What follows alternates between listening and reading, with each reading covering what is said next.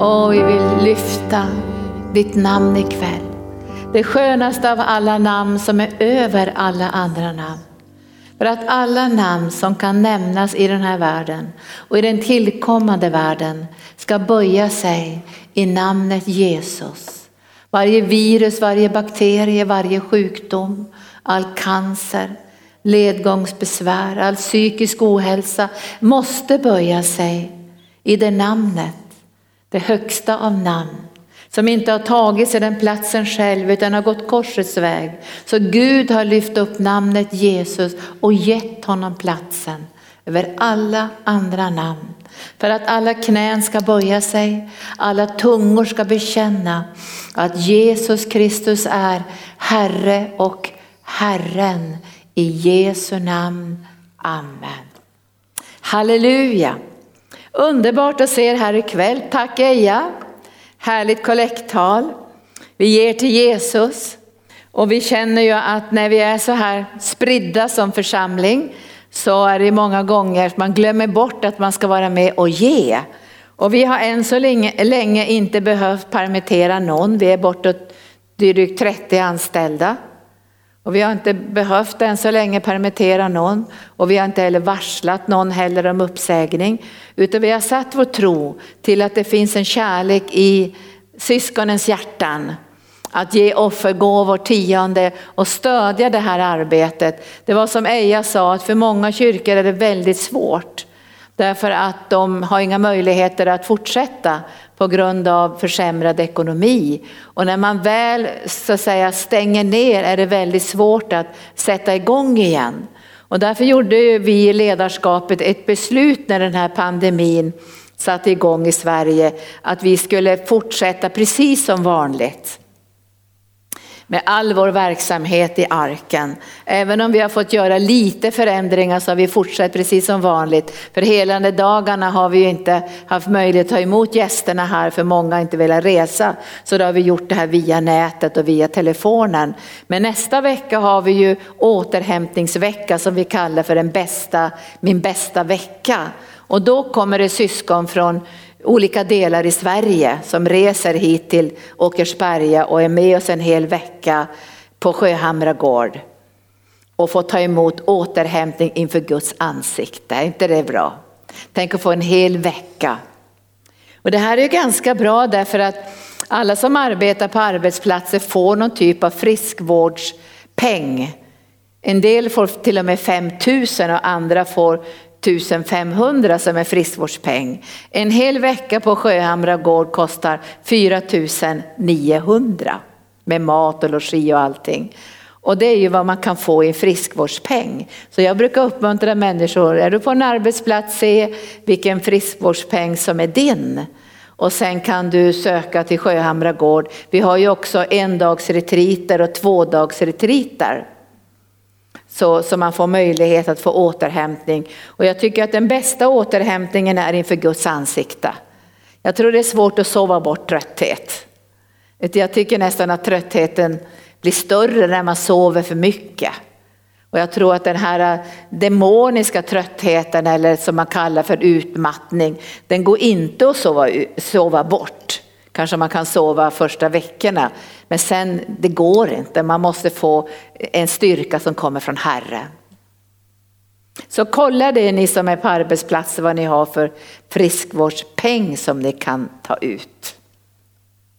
Ikväll, jag sa ju till er som går på bibelskolan i morse att jag hade börjat känna i andarna vilket håll Gud ville gå den här kvällen, vad han hade på sitt hjärta.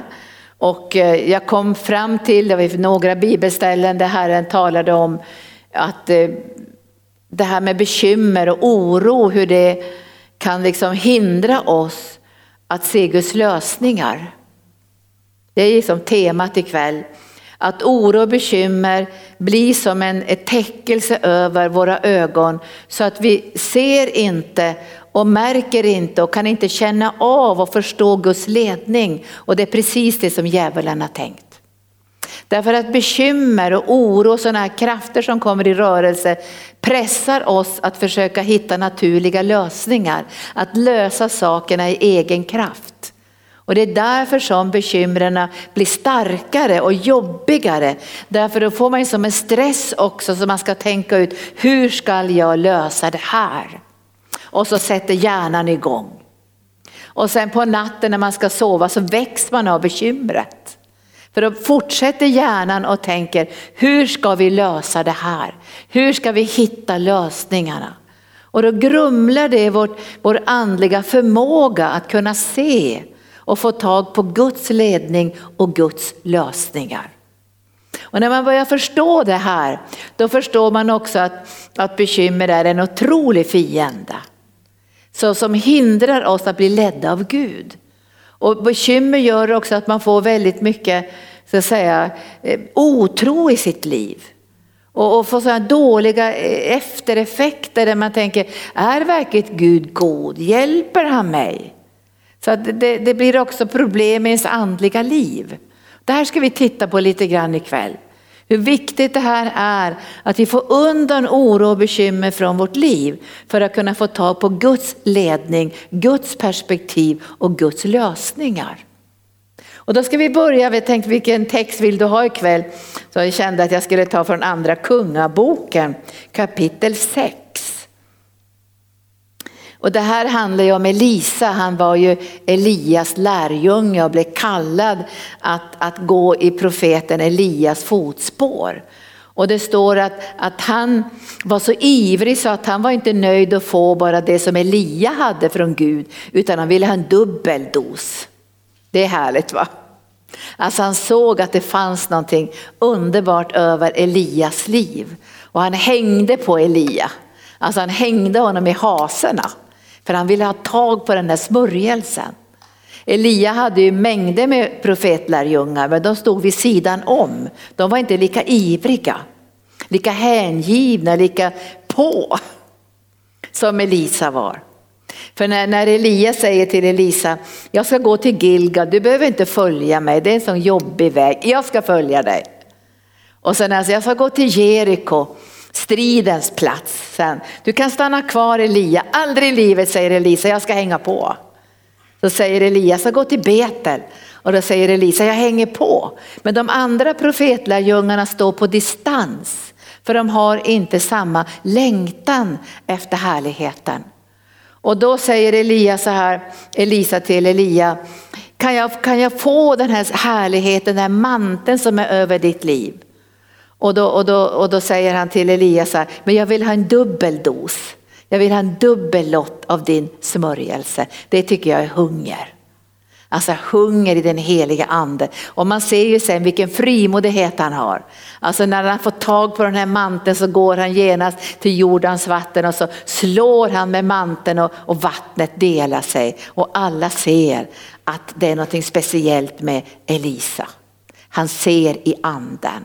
Och jag tror att, att när vi börjar se i anden så är det inte så att bekymren försvinner ju inte. Bekymren är ju en del av livet, men de ska inte ha makt i våra liv. Alltså de ska inte ha inflytande och makt i våra känslor. Därför att om bekymren får fäste på insidan så skapar det stress, ångest och oro. Och till och med att man kan få fysiska så säga, negativa effekter i sin kropp av oro och bekymmer. Och därför så säger Gud så här gång på gång, bekymra er inte, oroa er inte. Och så säger han inte så här, men strunta i bekymmer, han säger tro på Gud, tro på mig också. Och egentligen säger han så här, vet ni inte att jag är stark? Jag förmår, jag kan hjälpa er. Egentligen det som han säger.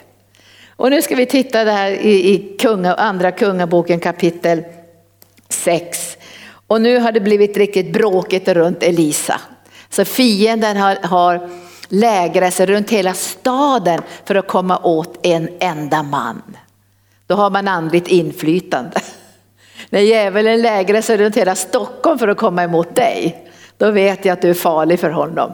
Alltså djävulen skjuter inte på en död höna. Så får du lite attacker och lite tryck emot dig kan det vara ett tecken på att du inte är en död höna. Du syns i andevärlden. Och Elisa hade ju nu sån utmaning, alltså det var ju fiender runt hela honom. Och, och, hans medarbetare som kallas gudsmannens tjänare, står det i kapitel, nu går jag bara in i kapitel 6, versen 15.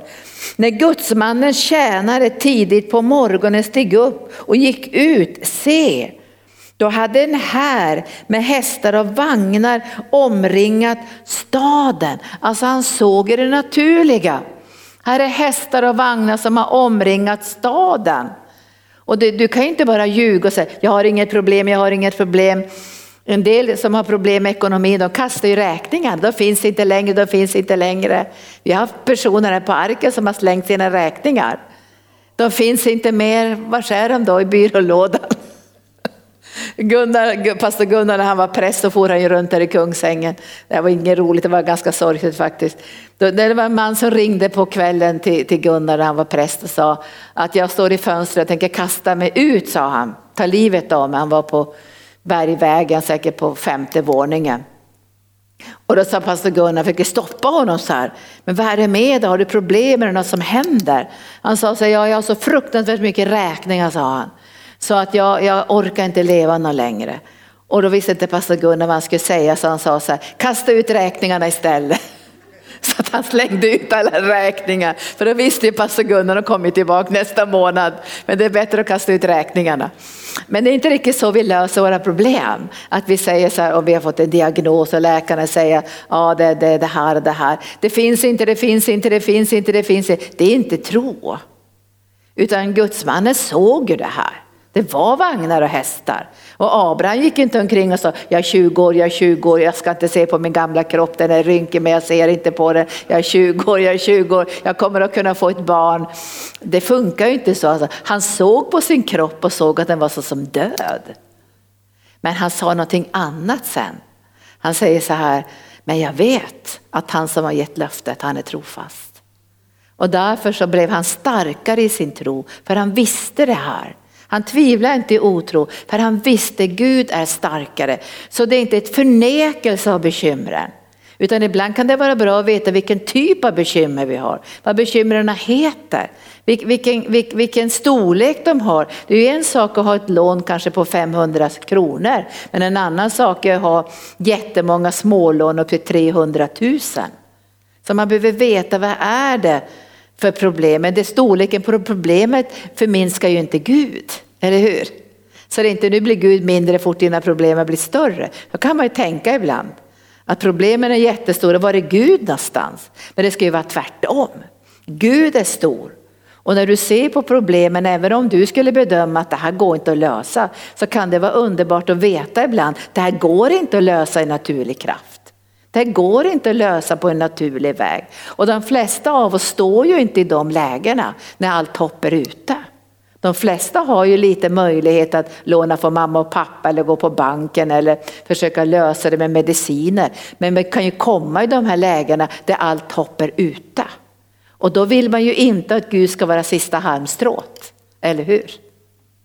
Jag har varit med många gånger när människor faktiskt, där hoppet är ute. Och de har inte lärt sig något från Bibeln, de har ingen gudsrelation. Och då kan man ju inte lära dem att simma när de håller på att drunkna. Jag kan inte stå på stranden, lär dig att simma nu, börja vandra i tro nu. Utan då blir det ju din och min uppgift att stå på deras sida och tro tillsammans med dem och, och tills, liksom koppla ihop i förbön och i, i troskoppling så att man kan finnas vid deras sida när deras tro inte bär. Men nu ska vi se, han såg det här. Men vi ska se hur han förhåller sig till det. Tjänaren sa till gudsmannen, så stod till Elisa då, O min herre, vad skall vi ta oss till? Alltså det här, det här O min herre, vad skall vi ta oss till? Vad ska vi ta oss till? Hur ska vi kunna lösa det här? Och i en del översättningar så är det ack min herre. Ack min herre, o min herre. När du och jag börjar få de där orden, liksom, o min herre, hur ska vi kunna lösa det här? Hur ska vi kunna lösa det här på ett naturligt sätt? Så hade inte Elisa tänkt ett ögonblick på att han skulle klara sig ensam mot en jättestor här. Det fanns inte i hans tanke. Men han hade sett något annat än den här gudsmannens tjänare. Han hade sett någonting i anden och det är det som inte djävulen vill att du ska se. Han vill inte att du ska se hur det ser ut i anden. Det är därför försöker han liksom förblinda våra ögon så vi bara ska se omständigheterna och det naturliga. Visst är det så? Och då blir vi bara mer nedslagna. Men, men Elisa han hade sett någonting annat. Och han har en fantastisk förmåga att, att dela med sig av den här övernaturliga dimensionen. Så att när, när tjänaren säger, O min herre, vad ska vi ta oss till? Så svarar han, var inte rädd. Det är det första som Jesus säger till dig och mig när vi hamnar i, i svåra omständigheter som börjar växa, bekymren växer i omständigheten. Det första han säger, var inte rädd. Var inte rädd. Därför rädsla grumlar också våra inre ögon, så vi ser inte Guds lösningar. Vi tappar liksom fästet så att vi ser inte saker som de egentligen ser ut. Det ser bara det naturliga. Men då säger han, då säger han så här, var inte rädd. Och i nästa steg säger han, han svarar, var inte rädd. De som är med oss är fler än de som är med dem. De som är med oss är fler än de som är med dem. Och då kan jag tänka mig att den här tjänaren sa, var är de någonstans då? Här sitter vi, hela stan är omringad av fiender, här sitter vi, du och jag. Och du är inte det minsta rädd. Vad är det med dig? Ja men jag har sett någonting, för de som är med mig och med oss är fler än de som är emot oss. Och det är fortfarande som grumligt för den här medarbetaren, men då säger Elisa så här, och Elisa han bad till himlens Gud. Han bad till Gud och ikväll ska vi verkligen tillsammans be till Gud att, vår, att den här grumligheten och andliga grå starren eller vad det kan vara ska liksom försvinna från våra ögon. Att vi ska se hur det verkligen ser ut. För de som är med dig är fler än de som är emot dig. Och även om vi skulle räkna många omständigheter, vi kan säga så här, försäkringskassan är emot mig, min ekonomi är emot mig, människor är emot mig, familjen är emot mig, kan allt möjligt som vi skulle kunna se, vagnar och hästar. Och då måste vi ändå veta att de som är med oss är fler än de som är emot oss. Och så ber Elisa och säger, öppna hans ögon. Herre öppna hans ögon så att han ser. Herre öppna hans ögon så att han ser. Herre öppna våra ögon så att vi ser. Det här är en övernaturlig smörjelse och vi behöver se. Jag tror att väldigt många människor idag är utmattade och stressade på grund av att de bara ser omständigheterna och så försöker de lösa dem. Och så stärker djävulen på med sina intriger och sin oro, och sin ångest och sin stress. Och så till sist så känner man att det här går inte att lösa. Alltså jag bara går sönder på insidan. Och så grumlas en syn så att man ser inte vilken väg Gud har tänkt. Man hör inte Guds röst, man ser inte Guds ledning i situationen. För det finns alltid ledning från Gud. Herre öppna hans ögon så att han ser. Då öppnade Herren tjänarens ögon och han fick se att berget var fullt av hästar och vagnar av eld runt omkring Elisa. Det här hade han sett hela tiden, Elisa, men tjänaren hade inte sett det. Öppna hans ögon så att han ser. Ikväll så kände jag så här, låt Gud lägga den här längtan i våra innersta, öppna mina ögon så att jag ser. Det är inte förnekelse av bekymmer eller svårigheter eller sjukdomar. Det är bara att man ser Guds möjligheter istället för begränsningarna i det naturliga. Och det här säger ju Jesus gång på gång, så vi ska ta några bibeltexter. Därför att bekymmer och oro, det är farligt faktiskt. Alltså det, det växer ju. Och när man arbetar med kognitiv terapi som psykolog då, så försöker man ju ändra människors tankemönster. För många som ser på framtiden har katastroftankar. Och var kommer katastroftankarna ifrån? Mörkrets makter. Kan, jag vet en kvinna som knappt kunde släppa, släppa ut sina barn på gården för då såg hon bara pedofiler och olyckor och att de skulle falla och slå sig. Och bara så katastroftankar hela tiden. Det hela tiden låg de där negativa tankarna. Och, och man sa, men du har ju Guds beskydd, lita på Guds beskydd. Och när de här katastroftankarna liksom växer så, så, så, så tror man så många gånger man har tagit ut olyckan i förskott. Alltså man nästan kallar på de här negativa sakerna.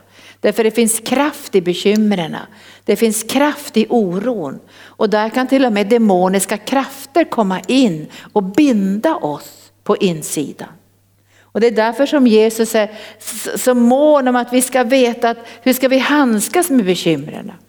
Vi ska ta bara några bibelställen, vi ska inte ta så många ikväll, men i första Petrus brev så finns det liksom en, ett recept. Alltså så här, gör så här, börja på den här vägen.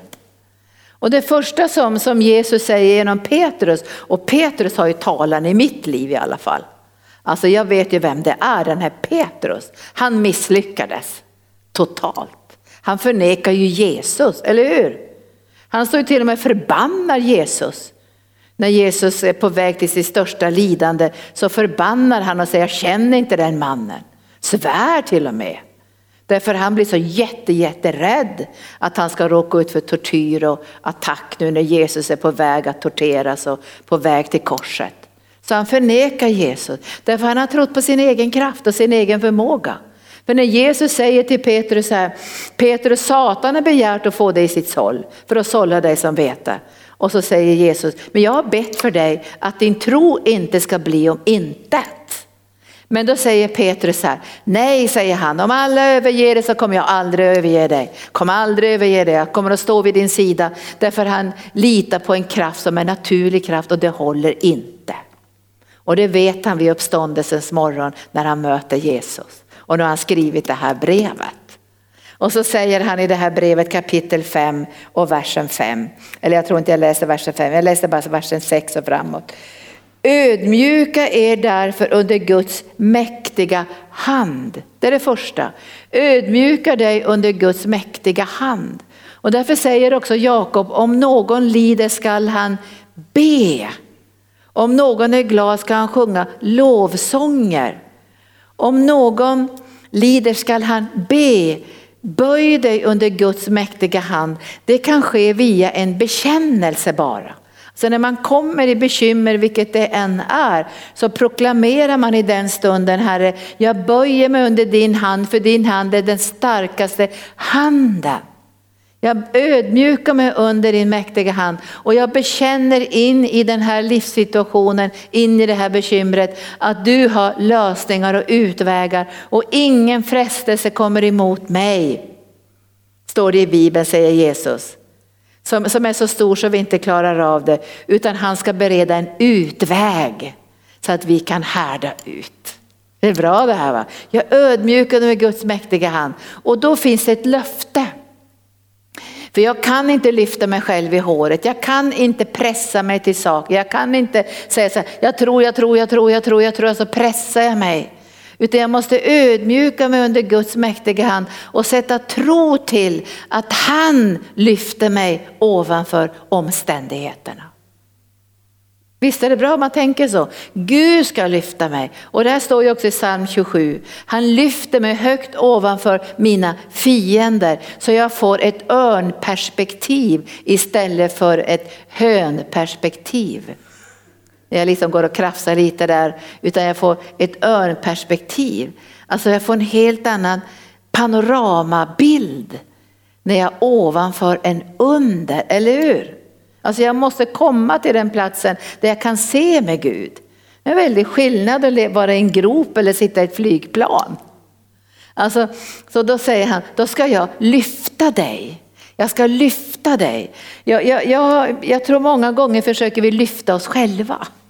Och därför har många blivit besvikna på trosförkunnelse. För de har trott att de ska lyfta sig själv. Nu ska jag pressa riktigt kraftfullt här, då blir det en förändring. Men det är inte det som Gud säger. Det står, utan tro kan du inte behaga Gud. Och hur ska du behaga Gud då? Det står, det står ju i, i Hebreerbrevet, så står det så här, du ska tro att Gud är till och att han lönar dem som söker honom. Det låter inte särskilt svårt. Gud är till, han lever och att han lönar dem som söker honom. Om jag ödmjukar mig under hans mäktiga hand, då finns ett löfte så står det så här. Så ska jag upphöja er. Men det här gillar jag inte riktigt det här. Jag skulle vilja hoppa över det egentligen när tiden är inne. Jag skulle önska på en gång, på sekunden. Eller vad säger ni? Att, han, att fort jag har ödmjukat mig, Gud jag litar på att du ska lösa mina ekonomiska problem. Upp, fick jag världens idé. Oh, det kom en idé på natten på en gång. Men det är inte riktigt så alla gånger, för tiden är inte inne. Det var en ung kille som inte kom in på en linje, en skola som ville att jag skulle be. Och han kom inte in på den här skolan. Det var två skolor han ville komma in på, han kom inte in på dem. För han hade liksom ja, gjort en del saker, busat och sådär. Så han fick ingen rekommendation till att komma in på den här skolan. Och så ville han, ja Gud nu måste du be pastor Linda, nu måste du be så jag kommer in på skolan. Och jag, jag kände så här att, håller du på att sätta Gud i jobb? Du måste ju först ödmjuka den Guds mäktiga hand. Han ville bara sätta Gud i jobb. Nu Gud förordnar det här och gör du inte det så blir jag sur på dig. Vilket han blev. Han var sur på Gud. Men sa nej men var inte sur på Gud nu utan, utan ta nu och ödmjuka dig och så får Herren ge en ledning. Och vet du vad han gjorde då? Fick han en ledning att han skulle skriva ett brev till rektorn och skriva så här. Jag har ändrat mig, jag ska sluta busa. Jag vill börja uppföra mig bättre och jag har mognat. Och se inte mig som den gamla personen, han var i, nian ungefär. Utan jag har gjort bättring nu, jag vill, jag vill verkligen visa att jag är en förändrad människa. Vet du, rektorn ändrades, han kom in på skolan. Ödmjuka under Guds mäktiga hand så ska han upphöja dig när tiden är inne. Och ibland har vi blivit så påverkade och grumlade av bekymren så det tar en tid innan det rensas undan så vi kan höra ifrån Gud. Visst kan det vara så? Och, och, när tiden är inne, det är mer som en överlåtelse, en kärleksförklaring. Gud, även om det tar lite tid så vet jag att den här tiden är inte bortkastad och kommer du att rensa mig eller föra mig närmare ditt hjärta eller lära mig någonting. Så det är inte bortkastad tid att ödmjukas under Guds mäktiga hand. För när tiden är inne så ska han upphöja dig. Och det underbara är när han upphöjer dig, då kommer alla att se att den här lösningen kom från Gud. Och det blir ett vittnesbörd. För om jag lyckas lösa sakerna själv, jag tänkte ibland så här, om vi har väldigt stora problem i arken, ekonomi, och så har vi en mångmiljonär här. Och sen så ger han pengar och berättar jag ska ge pengar till er och vi blir jätteglada och vi har mångmiljonär här och han ger pengar till arken. Men kanske nästa gång han ger pengar till arken säger han, jag ska ge pengar till arken men jag vill bestämma också. Jag vill ha inflytande i arken. Alltså jag vill, om jag ska ge pengar så ska jag vilja ha makt också. Och då plötsligt blir det på ett annat sätt. Därför alla som ger pengar till arken ska gå via Gud. Då blir det en frihet, eller hur? Det är så som det ska göras enligt skriften. Jag ger till Gud, precis som Eja sa ikväll. Vi ger till Herren. Därför vi älskar Herren. Vi upphöjer Herren med vårt givande. Så att, så att när han upphöjer dig och du får tag på gudomliga lösningar så blir det hopp i andra människors liv. Då börjar de känna, kanske finns hopp för mig också som har urusel ekonomi eller dåliga relationer eller dålig hälsa. När man börjar höra med vittnesbörden. Gud beredde en, en utväg och öppnade en dörr och gav vägledning. Och mycket av den vägledningen kan vara praktisk vägledning. Det kan till och med vara att man får göra en budget ihop med Jesus. Det kan vara att man får göra ett motionsprogram ihop med Jesus eller att man får ändra sina kostvanor ihop med Jesus. Men det är tillsammans med Jesus. Så det behöver inte bara vara att Gud tar ett bibelord utan det finns en vägledning och en hjälp både på det naturliga och det övernaturliga planet. Men då vet vi att det är Gud. Visst är det bra? Då vet vi att det är Gud som har gjort det här. Så ödmjukar under Guds mäktiga hand så ska han upphöja dig och sen säger han de här orden och kasta alla era bekymmer på honom. För han har omsorg om er. Kasta alla bekymmer, nej men jag kan få behålla ett litet bekymmer. Det är inte så kul att leva om inte man får ett litet bekymmer. Så man får prata med folk om sitt lilla bekymmer. Vi måste ha några samtalsämnen Jesus. Jag, jag tror att våra samtalsämnen kommer att förändras, vet ni det? Vi möts inte för att dela bekymmer. Har du det där också? Jag har också det. Till och med i bönerummen kan det bli snett ibland. Alltså man möter en, eh, man möter en konfidens som säger, jag har sådana fruktansvärda problem med rökning, jag har försökt att sluta röka nu i flera år. Jag har också samma problem. Då sätter vi oss i samma grop. Det kan ju hända ibland. Jag hade, vi hade en gång för många år sedan här en, en tyst förebedjare som skulle träna sig i förbön som satt i bönerummet och konfidenten berättade om något jättejobbigt problem som han hade och så sa den där tysta förebedjaren, jag vill också ha förbön för jag har samma problem. Det kanske inte var riktigt rätt plats. Men jag förstår hur hon tänkte. Många gånger så, så, det, så hamnar vi i de där situationerna att våra samtalsämnen ham, hamnar ganska lätt in i vilka mediciner tar du och hur har du det och det problemen, problemen och så. Och jag tror att ju mer vi pratar om det desto mer kraft kommer det in i det. Alltså det nästan blir som en tornado, den hämtar liksom kraften i själva talet och beskrivningen av problemet. Nu betyder det inte att vi inte får berätta problem, men vi ska, vara för, vi ska gå på den här vägen som Gud har tänkt. Och jag har en, en broder som har fått en allvarlig sjukdom. Men han sa till mig så här, eh, jag frågade så här, hur är det med dig sa jag. Det var ju en god vän som hade fått en allvarlig sjukdom. Så tittade han bara på mig och sa, Linda, jag vill inte prata om det, för jag står i tro. Och jag kände att det var en respekt. Det hade inte tillfört någonting att han hade berättat att jag går på de här behandlingarna och läkarna sagt det här och det här. Det skulle inte tillföra någonting. Det som skulle tillföra någonting var att jag stod tillsammans med honom i tro. Att han skulle övervinna, att han skulle komma ut ur den här sjukdomssituationen med hälsan i behåll, att han skulle få många år kvar i sin tjänst för Herren. Men visst faller vi lätt in i att prata bekymmer. Och därför ska vi säga att vi ska sätta en vakt vid vår tunga.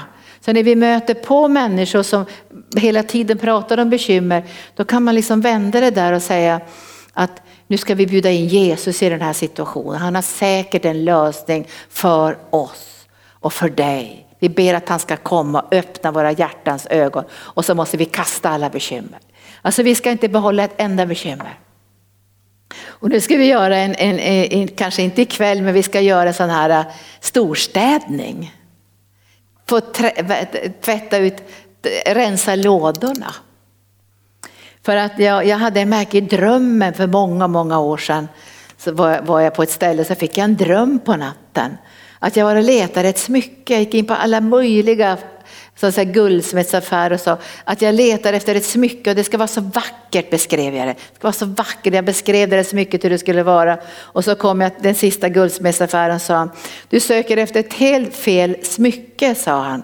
Du, jag har ett smycke till dig och det var tre små, nästan lite fula krukor.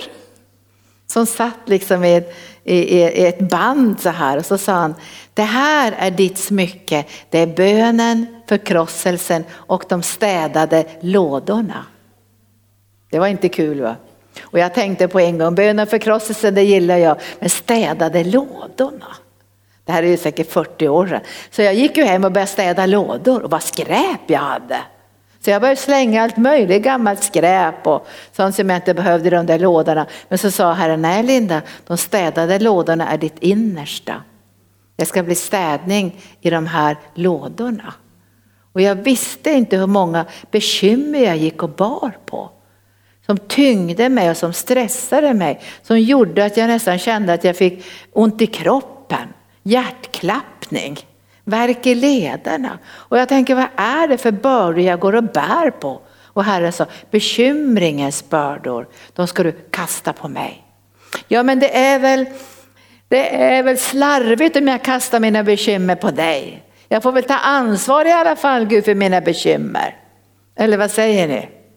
Kasta dem på mig. Alltså om man kastar någonting då går det ju snabbt.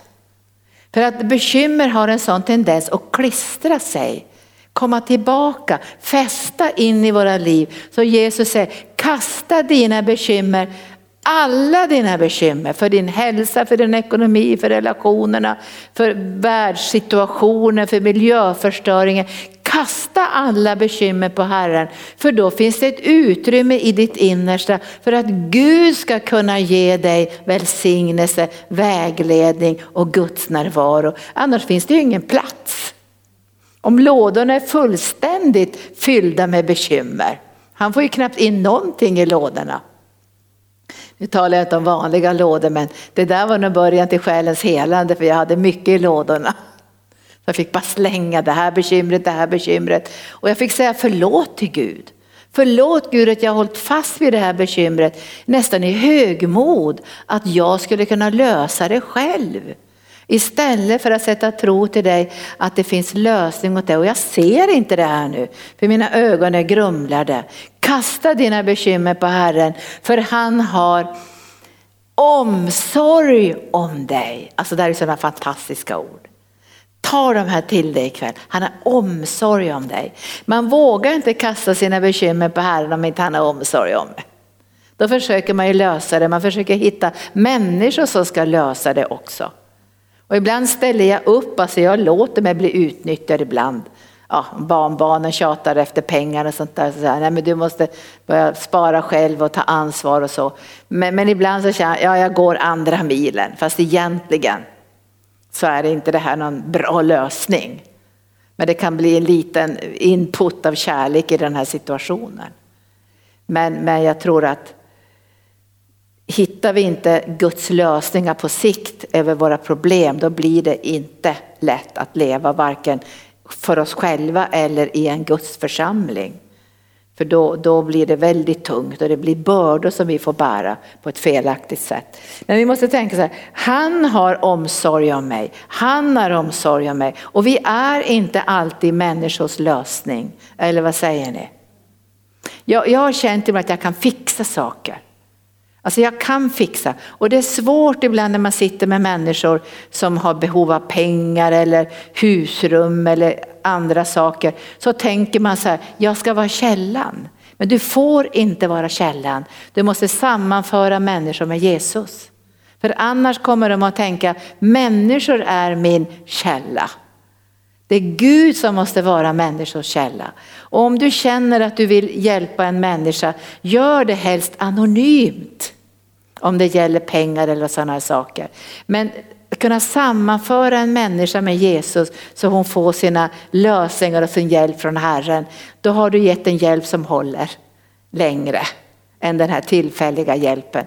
Det var, det var någon som sa när det gällde utvecklingsarbete i fattiga länder att ge inte människor fisk för när de har ätit behöver de mera fisk. Utan hjälp dem istället att fiska.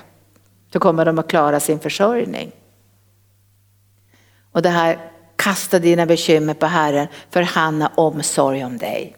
Och många gånger, jag, minns, jag tror jag berättade den här historien, det var när jag jobbade för många år sedan på Livets Ord i, i själavård, jag var anställd att ha själavård. Så jag satt ofta med människor med jättestora problem.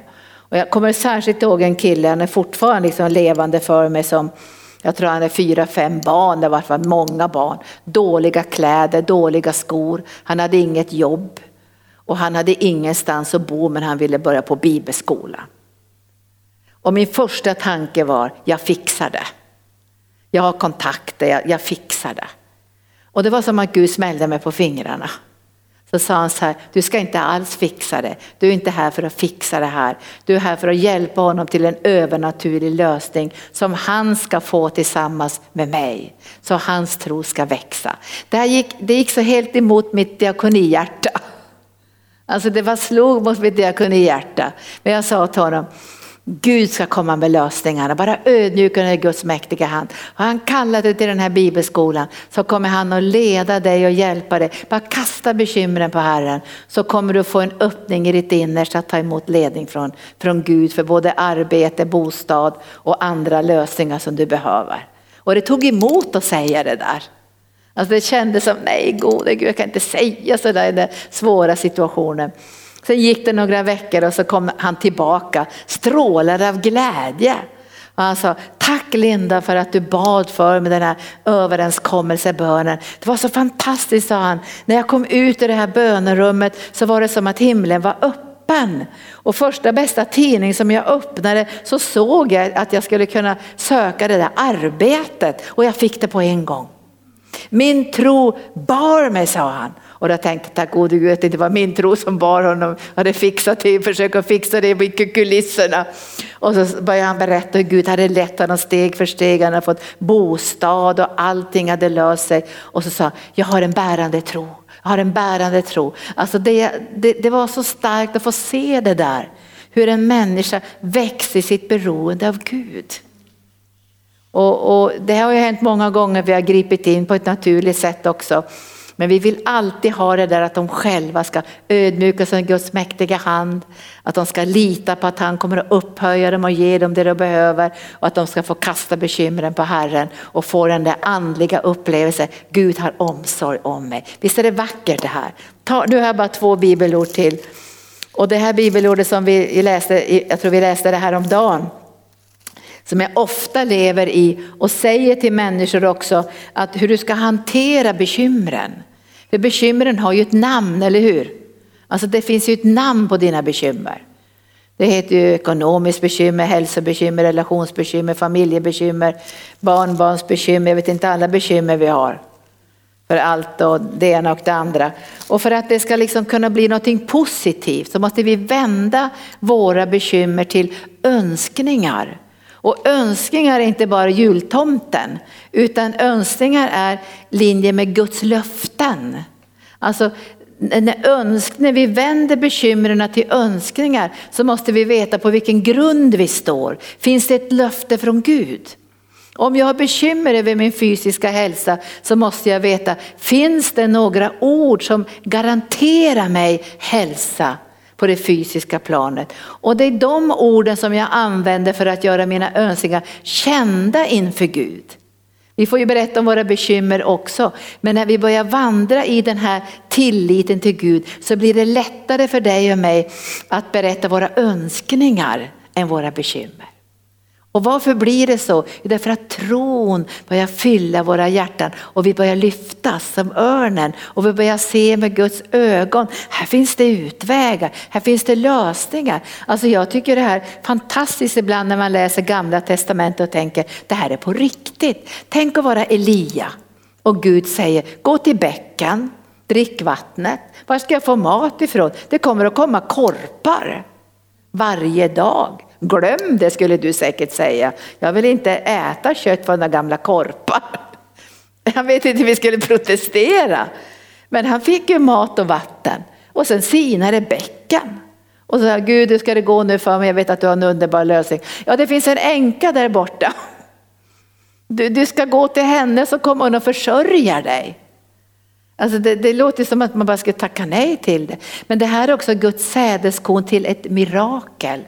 Därför när Gud griper in så vill inte han bara gripa in i stora mirakler, han vill gripa in i de här vardagsmiraklerna.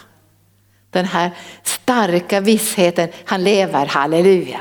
Jag är inte ensam, han lever. Och därför tränar han oss att göra våra bekymmer till önskningar. Och det här är som ett favoritbibelställe som man behöver egentligen lära sig utan till i Filipperbrevet kapitel 4.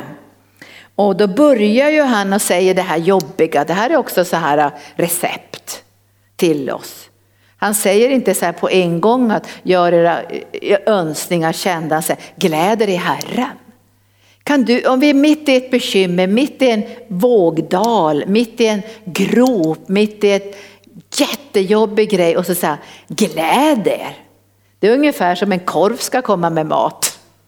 Det går väl inte att glädja sig nu. Vi gläder oss sen när det blir lite genombrott. Men vi måste glädja oss innan genombrottet. Det är en trosproklamation. Att Gud är större än våra bekymmer och våra omständigheter. Gillar ni förkunnelsen ikväll?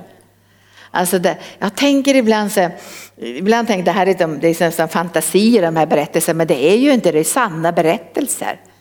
Alltså om jag var lärjungarna Paulus och Silas som hade blivit slagen, torterad, fastbunden längst ner i fängelset. Då hade jag nog bett så här, Gud hjälp oss att komma ut. Hjälp oss att få en öppning härifrån. Hjälp oss att få kontakt med Gud så vi slipper den här vidriga situationen. Jag är törstig, jag är hungrig, har ont i hela kroppen. Men det gjorde inte de. De bad inte sådana böner. Vad gjorde de för någonting? De började glädja sig i Herren.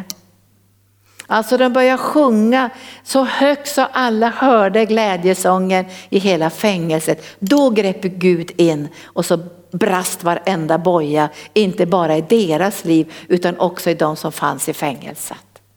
Och då säger, då säger Paulus, det är han som har skrivit Filipperbrevet, gläder alltid Herren. Än en gång säger jag, gläd er. Gläder i Herren, än en gång säger. Och det här är som en utmaning i bekymmer och oro, att börja glädja sig och hjälpa varandra till det. Så att när och jag har sådana problem, åh vad jobbigt det behöver om de kommer på ekonomiavdelningen på parken och säger åh om två dagar måste vi få in 200 000 och så tittar vi i kassan finns fem öre. Då kan man, oh, vi måste vara vi måste vara bekymmer, bekymmer, bekymmer, tung, tung, tung. Nej men gläd er alltid i Herren. Hur kan vi glädja oss i omständigheterna? För Gud är större. Och vi får perspektivet. Vad är 200 000 för Gud? Det är väl ingenting. Man tänker ibland, ja det är lättare för Gud att hela en förkylning än om jag har ont i foten. Det är ingen skillnad för Gud. Det är ingen skillnad hur höga vågorna är heller. Därför vi kan ändå inte gå på vatten. Oavsett om det är små vågor eller höga vågor eller stiltje. För det går inte att gå på vatten. Du kan gå ut och pröva på Mälaren, det går inte. Utan du måste gå på Guds ord. Det var Guds ord som Petrus gick på. Det var inte på vatten egentligen, utan han gick på ordet. När Jesus sa kom, då gick han på ordet. Och då gick han på vatten. Men egentligen gick han på ordet. För han hade inte gått ut om inte han hade sagt kom. Så här säger jag, det här är receptet. Gläder alltid Herren, än en gång säger jag glädjer. Och sen låt alla människor se hur vänliga ni är, för Herren är nära. Därför att bekymmer och oro gör att huggtänderna växer ut. Jo men det är så. Alltså man säger att när, när bekymren och stressen blir nog stark, då börjar reptilhjärnan att fungera. Alltså då blir det bara huggorm, bara kobra. Och man säger att när folk är utbrända så är det ofta att de är aggressiva. Alltså det blir som en vrede som kommer.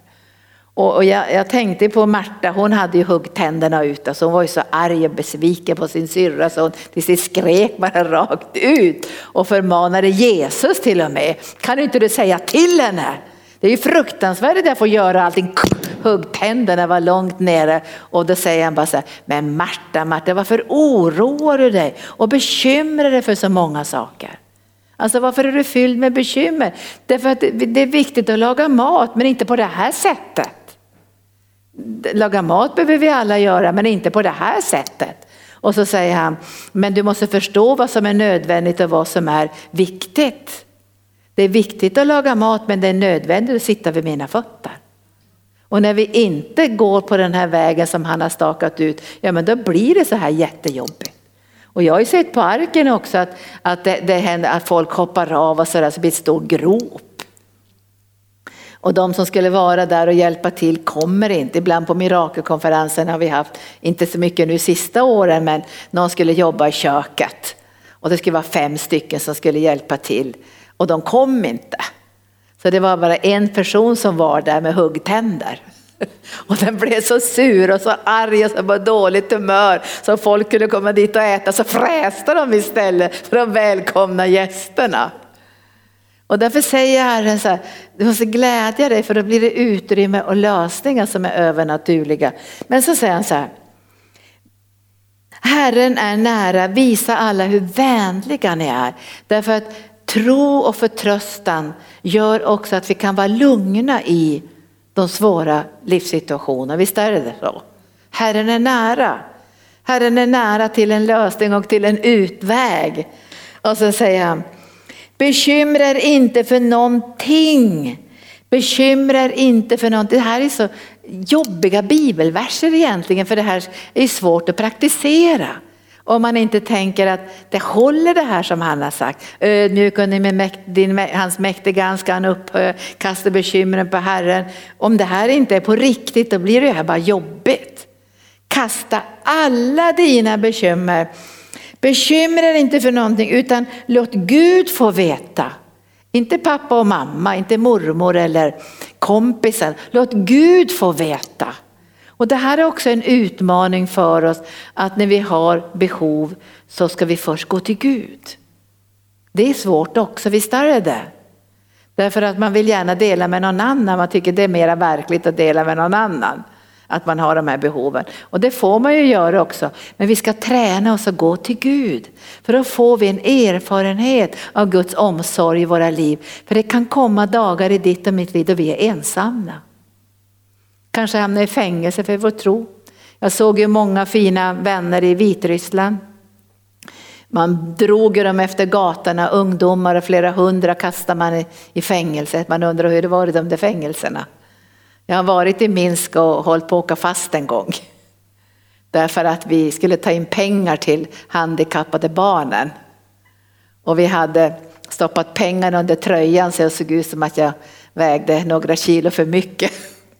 För det gick inte att få in pengar, det här är många år sedan, det var sådana lagar och grejer. Och vi hade massor med handikappade barn så jag tänkte vi tar in pengarna. Och sen när jag kom dit så kom sådana stränga tulltjänstemän som sa följ med oss. Och jag började svettas och tänkte, nu hamnar jag i fängelse i Minsk och jag vill ju bara hjälpa de fattiga barnen. Och jag fick gå i sådana kulvertar långt ner och de började förhöra mig. Men de sa aldrig, får vi titta under tröjan? Det sa de inte. Det var där jag hade pengarna till handikappade barn. Och ibland blir det ju biblar och det ena och det andra i sådana här kommunistländer. Men tack Jesus för din omsorg. Gud har lösningar. Bekymra er inte för någonting utan låt Gud få veta era önskningar. Genom bön, låt honom veta era önskningar genom bön. Alltså det här handlar om en relation. Och genom, så säger han så här Paulus, genom åkallan, att man samtalar med Gud. Att det är både bön och åkallan, att nu ska vi vara tillsammans Gud och prata om det här, vilka är mina önskningar? Och så säger han, då ska du också komma in i en, i en atmosfär av tacksägelse.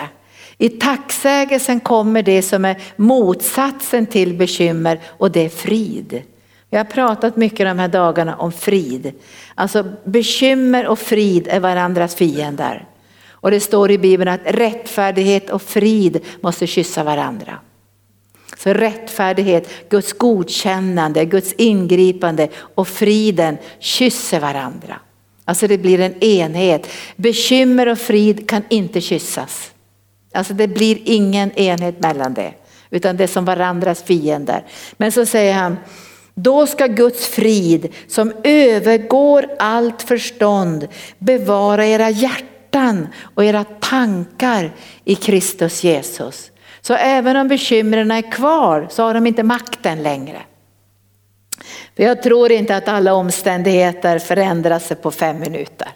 Många gånger får vi leva i svåra omständigheter men vi lever ovanför de här omständigheterna med vissheten och övertygelsen. Gud kommer att bereda en utväg och vi kommer att få se ett mirakel. Tack Jesus. Och så säger han så här. Då ska han bevara era hjärtan och era tankar så de far inte all världens väg och söker upp bekymren igen. Och det här gör också att du kommer att sova bättre. Därför hjärnan får vila och får inte hjärnan vila på natten så kommer din sömn att bli störd. Därför hjärnan försöker lösa saker, den försöker hjälpa dig, den försöker hitta tag på, på, på utvägar och hjälp men det funkar inte, det blir bara oro och bekymmer och, och stress på insidan och sömnsvårigheter. Men han säger, då ska han bevara ditt hjärta och dina tankar i Kristus Jesus. Och nu till det sista bibelstället för den här kvällen som, som är ett så fantastiskt bibelställe. Och det är ju Matteus evangelium kapitel 6. Och läs gärna det för det här, är, det här är ord som Jesus säger rakt in i våra hjärtan.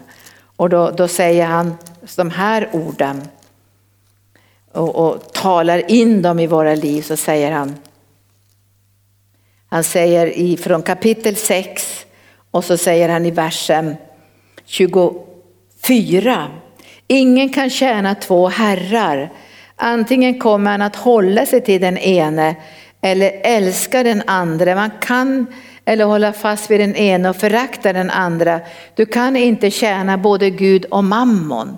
Egentligen handlar det här om, du kan inte ha vara i två världar samtidigt. Du måste bestämma dig för, vill du leva i det naturliga och det naturligas begränsning, då kan vi fixa lite bästa på naturlig väg. Inte allt men ganska mycket. Du, om du har pengar kan du kanske köpa dig hälsa i ett annat land och få förtur i operationerna.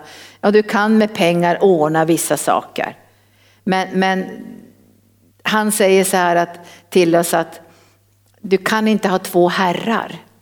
Alltså det kan inte vara så att världen blir din herre. Du måste göra ett beslut. Vem ska vara din herre när nöd kommer på? Det betyder inte att du inte ska ha några pengar, att du ska börja odla i skogen. Utan det är inte så att du, du har inte ett beroende av längre på det här sättet från källorna i världen. Men Gud kommer att välsigna dig, för han vill välsigna oss, eller hur? Han vill välsigna oss ekonomiskt, han vill välsigna oss på alla områden. Men vi måste gå via Gud och inte via mammon. Eller världen om man säger så. Och då säger Jesus de här orden. Därför säger jag er, bekymra er inte för ert liv.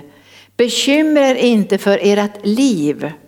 Och så förklarar han vad det är för någonting. Vad ni ska äta eller dricka eller för er kropp eller vad ni ska klä er med.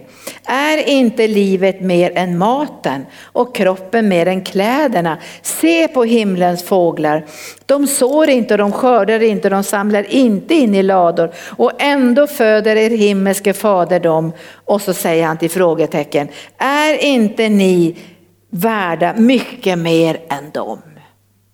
Och så säger han, vem kan med sitt bekymmer. Vem kan med sitt bekymmer lägga en enda aln till sin livslängd? Hur lång är en aln? Är det ungefär så här? En aln, det är inte särskilt långt i alla fall. Men om jag kunde förlänga mitt liv med bekymmer, då skulle jag faktiskt bekymra mig. Om jag kunde förlänga det med mina bekymmer, eh, 30 år, då skulle jag samla på bekymmer tänka nu kan jag förlänga mitt liv. Men jag tror att bekymmer förkortar mitt liv. Jag tror att man får hjärtproblem, alla möjliga blodtrycksproblem och det ena och det andra. Därför bekymmer har en väldigt negativ kraft i våra liv. Men han säger så här, du, inte med ditt bekymmer kan du lägga en enda an till ditt liv. Om det är så här att bekymmer tillägger ingenting, alltså det tillför ingenting annat än bara negativa krafter. Vi gör oss av med bekymren då, tack Jesus, och kastar dem på Jesus. Och sen ska vi be att vi ska få våra ögon öppnade så att när bekymren kommer, en av våra ledare sa igår som är överhandledare för en del hemgrupper, så sa han så här att han hade gått och bekymrat sig, han har företag och allt möjligt. Så han berättade för oss då att han hade börjat känna sån ångest när han började tänka på de här bekymren. Behoven, situationen. Han hade fick ont i huvudet. Och det gick flera timmar innan han kom på, vad håller jag på med? Jag ser ju inte på Jesus någon längre.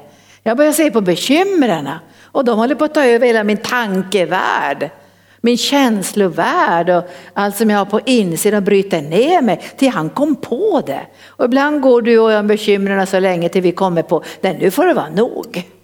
Nu släpper vi taget om de här bekymren och så ger vi utrymme för Jesus. För inte ett enda bekymmer lägger till någonting. Det är lite jobbigt att läsa det här, för vi har ju många bekymmer. Men det lägger inte till någonting. Det tillför ingenting annat än oro och stress.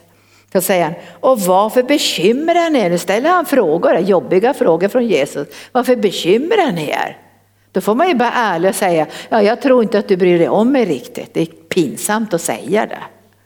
Jag tror inte Jesus att du har någon bra lösning på det, så jag får lösa det själv. Det vill man inte säga. Fast egentligen är det ju det man säger någonstans, eller hur? Man är inte där än där man kan säga, jag litar så helt på dig. Så man måste, Jag litar inte riktigt. Varför bekymrar ni er för kläder? Se på ängens liljor hur de växer. Se, på, se de arbetar inte och spinner inte. Men jag säger er, inte ens Salomo i all sin prakt var klädd som dem. Om nu Gud ger sådana kläder åt gräset som idag står på ängen och imorgon kastas i ugnen. Hur mycket mer ska han då inte klä er? Och sen kommer den här förmaningen som man helst inte vill höra. Vad lite tro ni har.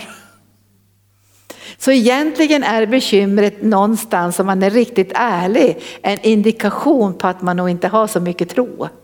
Och då blir man ju deppad. Och då vill man inte att hon ska säga till, har du ingen tro Linda? Det vill man ju absolut inte höra.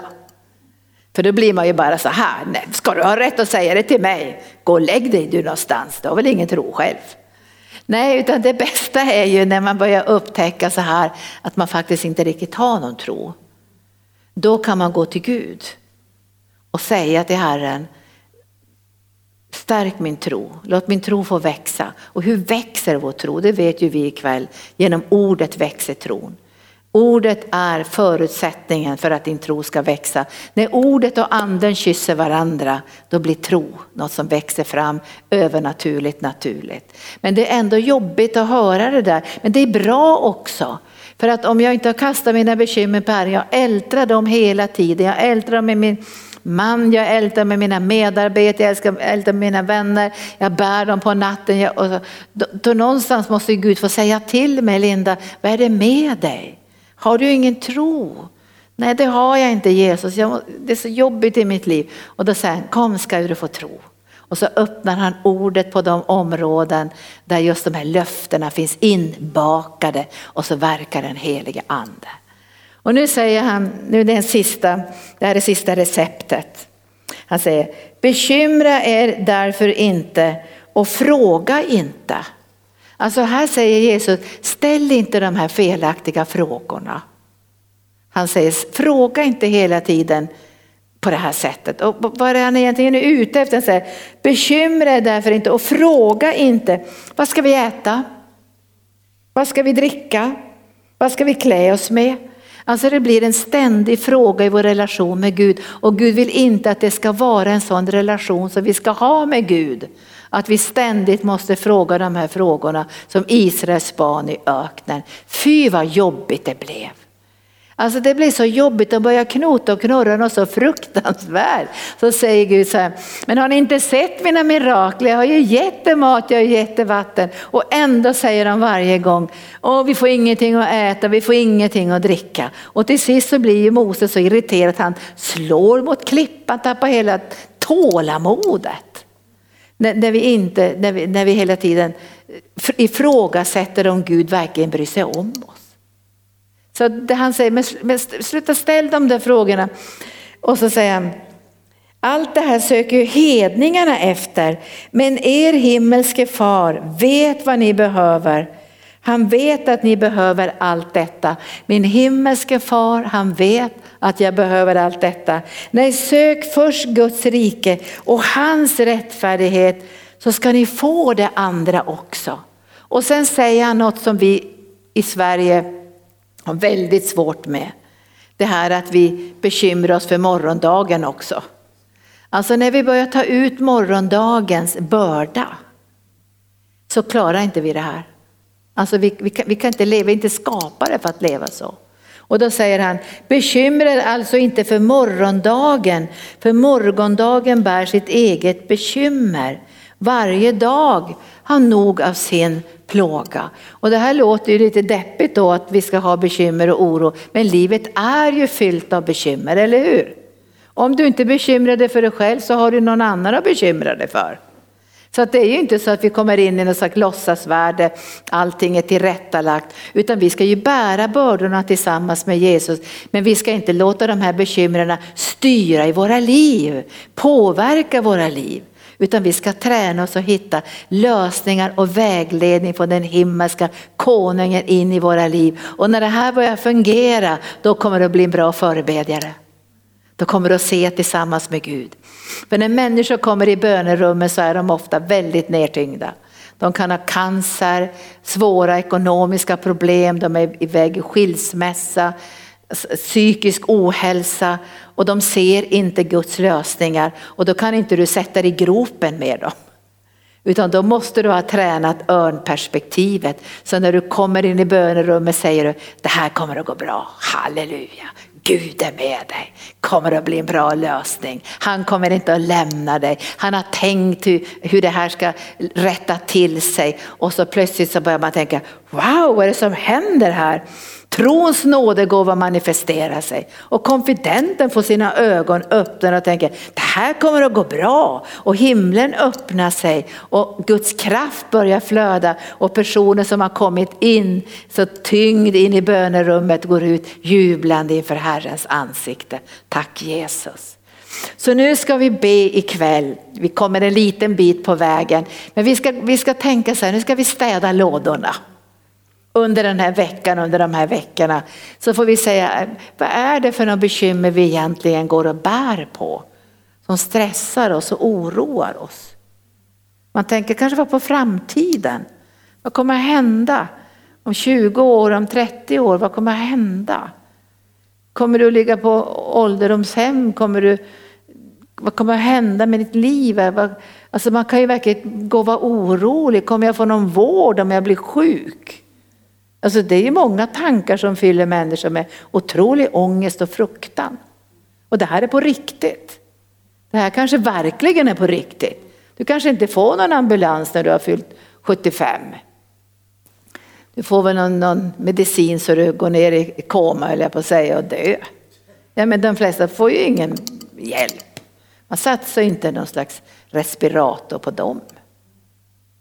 Men Gud satsar på dig. Och han har dig i sin hand. Och börjar man leva med oro för framtiden, om det är det som är oron, eller rädsla för döden, eller rädsla för ensamhet, eller rädsla att man inte ska nå de mål man har i sitt hjärta att få tjäna Herren. Ni vet vad bekymren är och de har ett namn. Jag brukar säga, sätt ett namn på bekymren. Så att du vet vad det här bekymret heter. Kanske till och med var det kommer ifrån. Och så ska du få kasta det på Herren.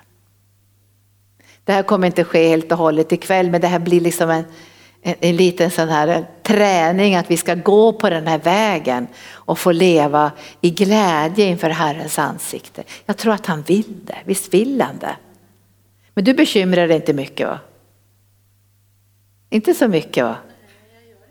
Nej, vi gör inte det. Men visst har det blivit en förändring genom åren? Ja.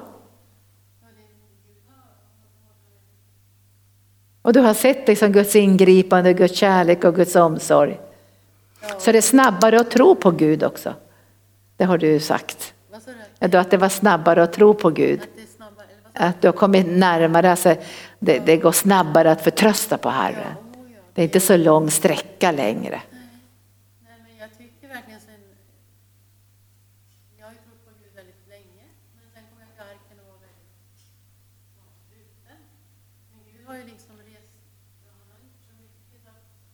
När jag kom till arken också fick jag att, att vi måste se på Gud genom Jesus och, och se den kärleksfulla Guden. Ja. Underbart, hon säger att när hon kom till arken så fick hon lära sig att se Fadern genom Jesu kärleksfulla ögon. Och Gud har rest upp dig på ett fantastiskt sätt. Och man känner när du sjunger lovsång så, så bärs du av den här förtröstan på Herren. Så det är inte bara lovsång du sjunger.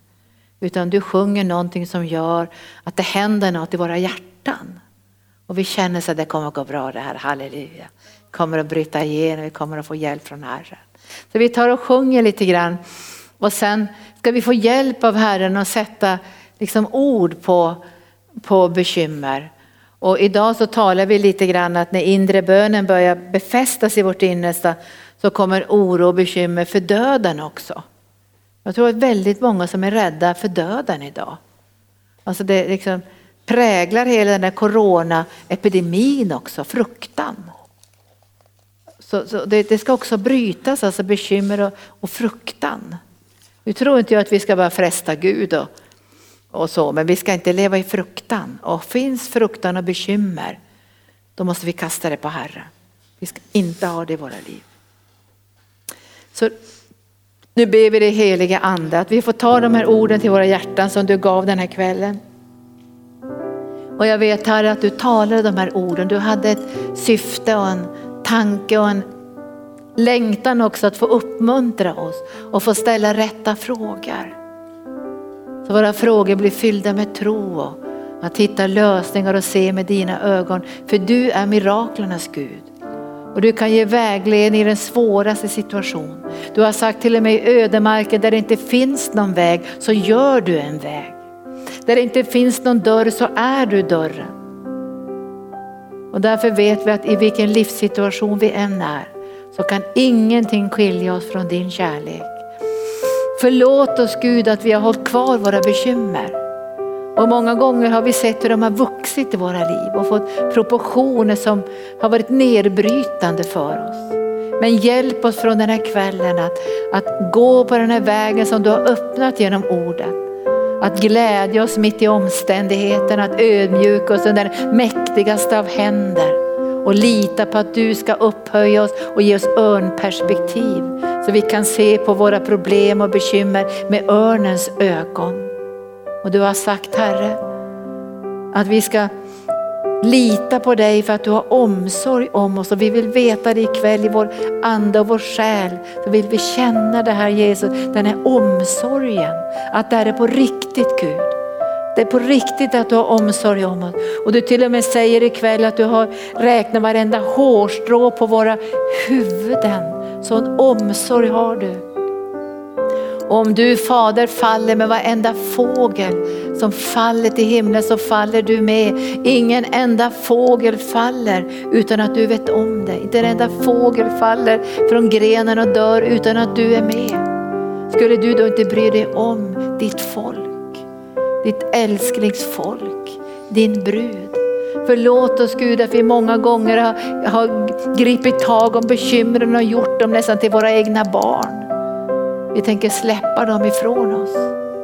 För vi vill ha förkrosselsen, bönen, men också de städade lådorna och få ut allt möjligt skräp från våra liv så du kan fylla oss med din kärlek, med din närvaro och med din härlighet.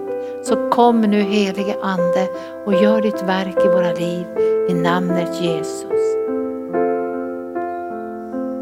Låt smörjelsen få flöda i lovsången. Tack Jesus, tack Jesus. Aktig i oro och bekymmer, all djävulsk infiltration för att göra bördan tyngre. Jag bryter i namnet Jesus. Sjukdom, ekonomi, relationer, familj, barn och barnbarn. Miljöförstöring, krig. Allt som har varit som en börda av bekymmer.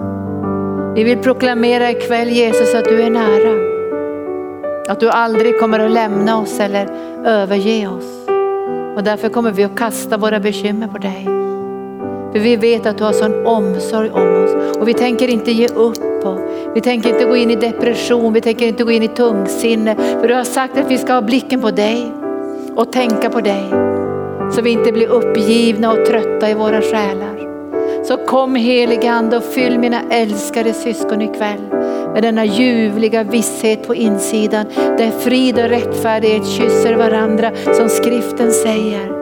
Där en djup inre vila kommer. Gud har allting under kontroll. Och den hand som bär mig, det är inte, det är inte Nordbanken eller Nordea eller Handelsbanken eller något annat eller människor. Det är din mäktiga hand och kom heliga ande och låt mina syskon se nu din mäktiga hand. Låt dem få se nu i namnet Jesus att det finns en hand som är starkare än alla andra naturliga händer. Det är din egen hand. Så låt dem se handen under sina liv. Att du bär dem, att du lyfter dem och att de ska få ett örnperspektiv, att de ska få se på omständigheterna genom dina ögon och kunna glädja sig. Mitt i svårigheterna, det är övernaturligt heliga Ande och därför öppnar vi oss för en övernaturlig smörjelse. Att kunna fröjda oss i midnattstimmen därför att vi vet att vi vet att han kommer inte att lämna oss. Han kommer aldrig någonsin att överge oss för han har sagt, jag är med er alla dagar in till tidens ände. Och Herren säger också att på den onda dagen har vi vapenrustningen. Så vi kan stå emot Satan på den onda dagen och behålla fältet så inte mörker och bekymmer och ångest och stress tränger in i våra liv. Herre, det är bara du som kan hjälpa oss och det är bara du som kan upprätthålla oss. Så vi kan gå på den här vägen som är banad från himlen i denna Tåredal kan vi gå på en övernaturlig väg och få ett helt annat liv än de människor som inte har något levande hopp. Så kommer heliga ande och rör vi dem ikväll som ännu inte känner det som sin frälsare. Låt dem ta emot det ikväll. Var än de är i Norden, wherever you are, in any nation. God loves you and he's knocking on your door this night. So you can open up your heart and receive him as your personal savior. He cares for you. And from the moment you have received him as your savior, you will start a completely new life in a spiritual love relationship with God through the Holy Spirit. Kom helige ande och rör vid syskon ikväll som ser oss nu utöver Norden och låt dem ta det här steget och ta emot dig som sin frälsare och börja leva ett liv som är mindre och mindre och mindre påverkat av bekymmer och mer och mer påverkat av tillit, av förtröstan och inre vila. Kom helige Ande. Ni som var med i, i förbön i, under dagen, eh, är, har det några som har varit med och hjälpt till i förbönen? Har du varit med och hjälpt till? Kan du inte ge ett vittnesbörd, endera från förbönen eller från ditt eget liv? Kan du också komma och ge, du har varit med och bett också. Kom fram och dela någonting. Vi brukar alltid låta de helgondagsgästerna dela men de är inte här. Så vi, vi ska höra, har Gud gripit in någonting? Har det skett någonting i människors liv? Va? Har du Ja. varit konfident? Nej, jag var Du har varit före- förebedjare? Ja, förebedjare. Har du, du har varit konfident? Ja, men då får du komma fram och vittna också. Ja, jo, det var så här eh, att jag hade en konfident. Och eh, jag fick, som man säger på norska, bara stole på Gud. Stole på Gud? Ja, stole på Gud, ja. Så jag litade helt på Gud. Jag bara ringde upp och, och eh, ja, pratade eh, som vanligt. Jag hade, inte, jag hade velat förberett i bön lång tid, men jag hann inte. För jag höll på att göra piroger. Så då, eh, då, oj, nu måste jag ringa henne. Men jag, jag visste att Gud var med mig och det var alltså helt fantastiskt. Jag har aldrig varit med om något liknande. Jag har haft ett förbönssamtal i en enskilt här på arken. Men det här var något helt fantastiskt. Guds närvaro var så stark så jag kände hela smörjelsen ända ner i tårna. Och, och konfidenten kände likadant. Alltså det var en övernaturlig Alltså jag har aldrig varit med om något liknande. Så när jag ringde Anita sa jag det här är helt otroligt. Så Gud ska ha ära för allt. Tack, Tack Jesus. Vad underbart att höra. Visst är det härligt när det är så? Du stod inte där med någon tung börda utan du stod med smörjelsen. Ja, Tack, smörjelsen var Jesus. där när hon började prata och, och, och, och Gud tog över. Tack Både Jesus. på min, mitt håll och på konfidentens håll. Tack Jesus. Få vara ett redskap och du var inte trött efteråt, du var salig. Jag var så lycklig alltså. Oj, jag flög upp. Jag satt på golvet för jag hade ont i ryggen. Satt på golvet med en kudde så här. Och liksom, upp. Tack Jesus. Ja, vad underbart. Får vi höra? Tack Jesus. Du har varit med och bett båda dagarna. Ja, det har jag varit. Och det, ja, precis som du säger, det är så fantastiskt. Alltså man blir så... Ja, man bara tänker, men hjälp, hur gick det här till? En konfident som bara, alltså inte hade varit frälst så länge, två år. Men så, oj, hade lyssnat in, hört dig och, och det var så Bara just det här att vara ensam väldigt länge, just för de här coronatiderna och sådär. Och suttit då och tittat lite grann ute på nätet naturligtvis. Och vad kan man få någonting och sådär. Det är ju inte mycket ställen som är öppna. Kyrkor. Men så har hon lyssnat och fick så otroligt mycket. Och blivit så, ja, eh, alltså det, det, det var så fantastiskt. Det var, det, man kan inte förstå, hur kan Gud göra sånt här? Det är bara Gud som kan göra det. Att man fattar ju inte, men vad, håller, vad, vad, vad händer liksom? Och fick jag vara med i det här? Tack, jag kan ju inte göra någonting åt det, men, men just bara det här att, åh, hon var bara så, så befriad och somnade klockan sju igår kväll, vaknade klockan sju på morgonen idag och helt jag var så tagen sa hon och jag lika tagen. Jag var så tagen. Jag förstår inte. Hon, ja, Det där är den bästa formen av förbön. Man går inte därifrån helt nedtyngd av, av bördor som han har tagit. Man sitter ju i ett bönerum många gånger och lyssnar på verkliga bördor. Ja. Och många, många terapeuter, jag har ju undervisat många ledare både i Sverige och utomlands, som har tagit hem bördor Ja. från människor som de har lyssnat på och genom det blivit väldigt, så att säga, nästan sjuka själva. Och inom psykiatrin så finns det en avdelning också. Pratade med en psykiater i Finland som sa att, att de har till och med en avdelning för psykiatriker som blir helt sjuka själva av alla bördor som de tar på sig från konfidenterna när de inte är troende eller kanske inte vet hur de ska göra. Men det här att få kasta de bekymren också på Herren och så får man den saligheten. Då vill man vara förebedjare. ja. Man blir bara helt genomsköljd av en. Ja.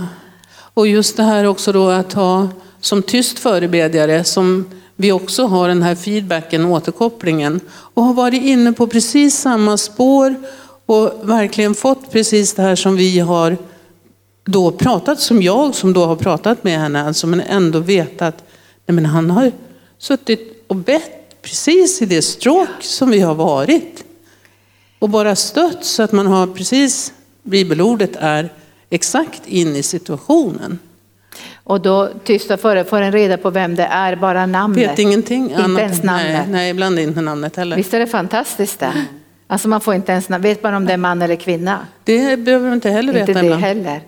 Men anden vet. Mm. Och så ber man precis de rätta sakerna. Och så pratar ni med varandra efteråt och frågar Efteråt, ja. Mm. vad fick du från Gud? Och så är det precis det som ni har bett ut.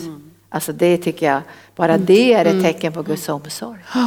Ja, Underbart. ja det, det är helt... Och nu fortsätter vi nästa vecka med olika nya. Men de, de ser vi med våra fysiska ögon för de kommer ju nästa vecka till Sjöhamra gård. Mm. Ja, Där ska det. Mm. de verkligen få njuta av Guds närvaro. Får jag höra, du har varit konfident. Det var sånt förmån att komma till helande dagar själv efter en paus, en lång paus. Och det var liksom att det var någonting att jag, jag liksom kände att jag blir inte av liksom själv, att jag behöver hjälp.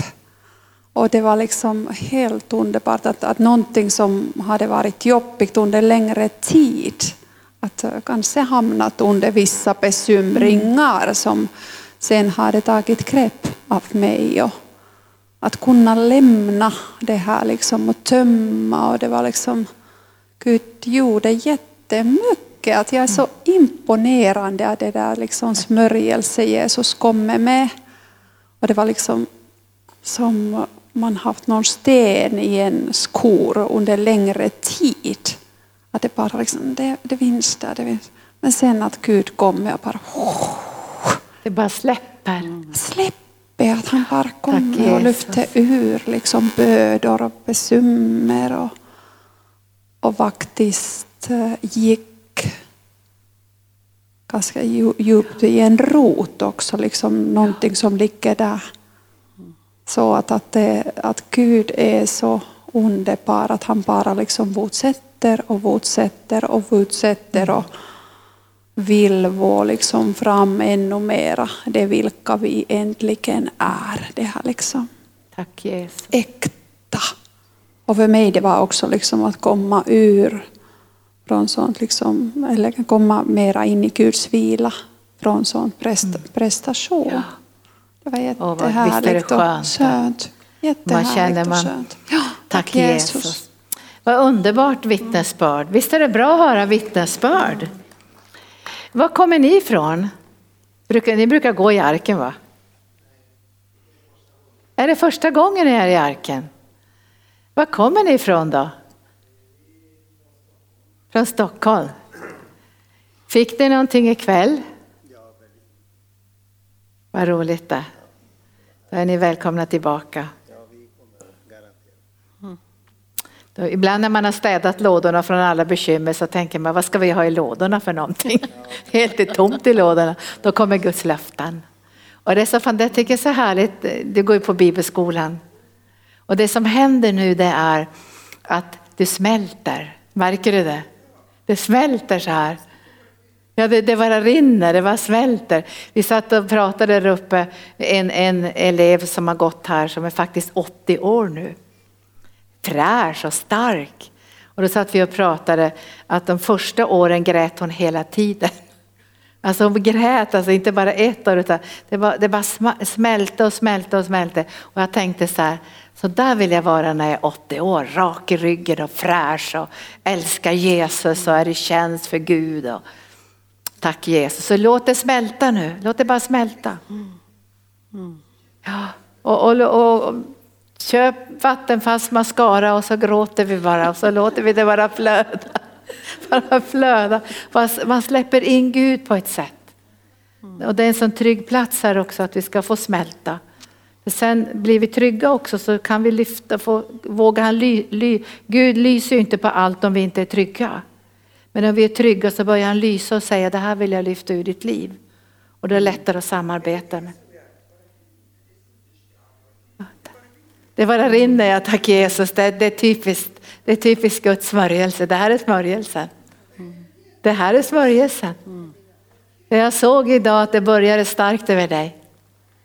Det här är bara släppa efter, bara släppa. Det här är ett verk av den heliga ande. Alltså när anden verkar så kommer den här smältningsprocessen igång. Och man vet inte hur mycket som sitter fast i barndomen. Hur mycket skyddsmekanismer man har och hur mycket man har låst in på insidan, hur mycket sorg som finns, hur mycket smärta som finns. Man vet ofta inte det för det ligger i det undermedvetna. Och så kommer smörjelsen. Och så händer det här. Det är så vackert. Ja, det kommer ut. Tack Jesus, det är precis det som Gud vill. Tack Jesus, tack Jesus. Då ska vi göra så här, vi ska inte hålla på så länge till. Jag tror klockan redan har blivit kvart över nio. Men vi låter den här kärleken flöda och sen sätter vi ord. Jag är en av ledarna här i arken och jag märker att det är inte så mycket egen oro så där som jag tänker på. Jag, det, det, nästan aldrig jag ens ber för mig själv någon gång sådär.